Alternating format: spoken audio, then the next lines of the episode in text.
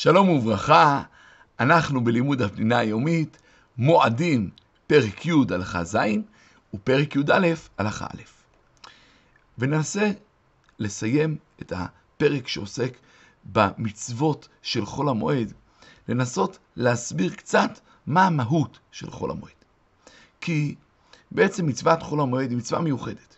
לכאורה היה ראוי, אחרי שמתעלים למדרגת יום טוב, לא ראוי לרדת ממנה עד סיום החג. ואילו המצווה היא שאחרי יום טוב ראשון מקיים את ימי חול המועד, ואז בסיום ימי חול המועד מתעלים שוב למדרגת יום טוב. וננסה לבאר את הדברים על פי מה שביאר רבי נתן, תלמידו של רב נחמן מברסלב. אבל שם טוב אומר משל נפלא, שכמו שמלמדים את התינוק ללכת, בהתחלה עוזרים לו, אחר כך עוזבים אותו, והוא מנסה לעמוד וללכת ונופל. עד שבסוף הוא מצליח ללכת בכוחות עצמו. ככה, בתחילת הדרך של האדם, נותנים לו מהשמיים הערה גדולה למעלה ממדרגתו. ואחר כך מסלקים אותה, והוא נופל, הוא צריך להתאמץ להחזיק בדרך ולעמוד בניסיונות, ומתוך כך הוא מצליח שוב לזכות באותה הערה גדולה שהוא זכה בה. והפעם הוא לא ייפול, כי היא כבר מתאימה למדרגה שלו. על פי זה אפשר גם להבין את עניינו של חול המועד. בתחילת החג מאיר לנו השם הערה גדולה.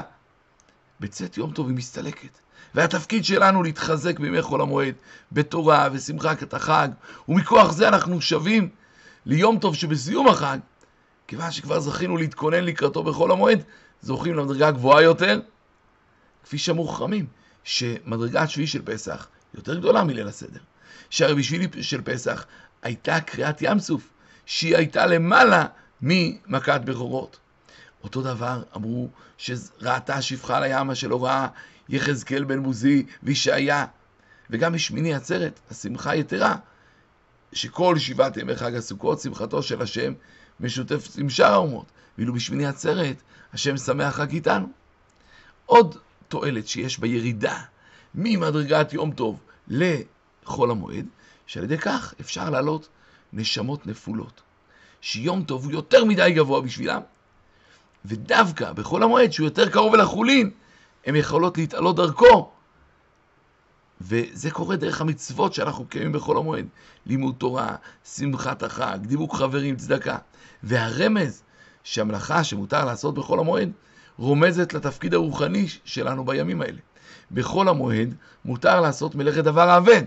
לרמוז שהימים האלה נועדו לנשמות אבודות. וכן הותרה המלאכה לצורך המועד, לרמוז שעל ידי הימים האלה אנחנו יכולים להבין את משמעות החגים, ומתוך כך לקלוט את האור הגדול של ב- ביום טוב אחרון.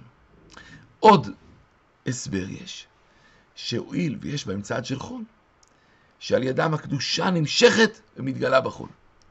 שכן, ככל שהיום יותר מקודש, ככה ההשפעה האלוקית ניכרת בו יותר, וממילא יש בו איסור לעשות מלאכה, ומצד שני, ככל שמתרחקים מההשפעה האלוקית, כך צריך לטרוח יותר, להשתעבד יותר בעבודה קשה. והתפקיד שלנו לגלות את דבר השם גם באותם מקומות רחוקים. ועל ידי זה לאט לאט, ככל שיותר נגלה את השם, יותר נשתחרר מעול שיעבוד הפרנסה. ונזכה שהמלאכה שלנו תהיה גם לשם שמיים וגם בנחת ושמחה. השבת היא יסוד קדושת הזמן, קדושתה קבועה וקיימת, ולכן אסור לעשות בה כל מלאכה. מתוך קדושת השבת נצטוו ישראל להמשיך קדושה לכל הזמנים עד ימות החול. בשלב הראשון נמשכת הקדושה לימים טובים, שמימי חול שהתקדשו על ידי ישראל הפכו להיות ימים קדושים. כיוון שימים אלו נתקדשו על ידי ישראל, מותר לעשות בהם מלאכה לצורך חול נפש, אלא שעדיין ימי החול נשארו מרוחקים מהקדושה. ובשביל כדי לחבר את זה, נתן לנו השם את ימי חול המועד. שהם ימים ממוצעים, שמקצת עבודות מותרות בהם ומקצת אסורות. ועל ידי זה אנחנו יכולים לקדש ולמשוך את הקדושה לכל העבודה ולכל המלאכה, וזה בסוף עיקר תיקון העולם. וזה ממילא הרעיון של חול המועד. ומתוך כך נעבור לאיסורי המלאכה בחול המועד. וקודם כל צריך להגיד, ימי חול המועד, כמו שעכשיו אמרנו, הם ימים ממוצעים בין חג לימי החול. מקצת מלאכות מותרות ומקצת מלאכות אסורות. והתורה מדגישה גם בחג המצות וגם בחג הסוכות, שביום טוב ראשון ויום טוב אחרון, מקרא קודש יהיה לכם, כל מלאכת עבודה לא תעשו. ימי חול המועד לא כתוב מפורש שאסור לעשות במלאכה, אבל בגלל שהם נמצאים בין שתי המועדים, וגם הם נקראים מקראי קודש, ומקריבים בהם קורבנות חג, אסור לעבוד בהם כפי שעובדים ימי החול. כך דיכאו חכמים מכמה פסוקים שאסור לעבוד בימי חול המועד. אלא שההבדל הוא שביום טוב נאסרה כל מלאכת עבודה. לעומת זאת, בימי חול המועד אסורים רק במקצת מלאכות. אם נרצה אולי להגיד את הכלל, בשבת כל מלאכה נאסרה, ביום טוב כל מלאכת עבודה נאסרה, אבל מאכלים, ש... אבל מלאכות שעוסקות בהכנת מאכלים מסגרת ביתית לצורך אכילת היום הזה מותרות. בחול המועד נאסרו מלאכות שיש בהן טרחה והן לא לצורכי החג או צורך דבר אבד, אבל השאר הותר. ולמרות שיסוד איסור המלאכה בחול המועד נובע מהקדושה שקידשה התורה את ימי חול המועד, נחלקו הראשונים בהגדרה המדויקת של חומרת איסור המלאכה. האם זה מן התורה או מדברי חכמים? רבים כתבו שמלאכה גמורה שיש בה טורח, אסורה מהתורה, ואם היא נעשית לצורך המועד או כדי למנוע הפסד, מותרת. וחכמים עשו סייג ואסרו גם חלק מהמלאכות שנועדו לצורך המועד או לצורך דבר אבד. העושה מלאכה בכל המועד באיסור נחשב כמבזה את המועדות. ואומרים חז"ל מסכת אבות שאין לו חלק לעולם הבא. ויותר מזה אמרו, כל המבזה את המועדות כאילו עובד עבודה זרה. ולכן אסור למי שעשה מלאכה בכל המועד ליהנות מה שעשה.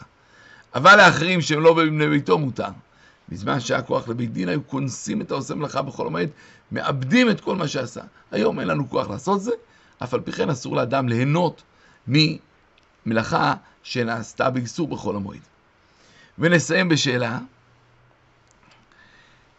איזה מלאכות נאסרו בכל המועד ואיזה מלאכות הותרו כהגדרה עקרונית. שלום, שלום.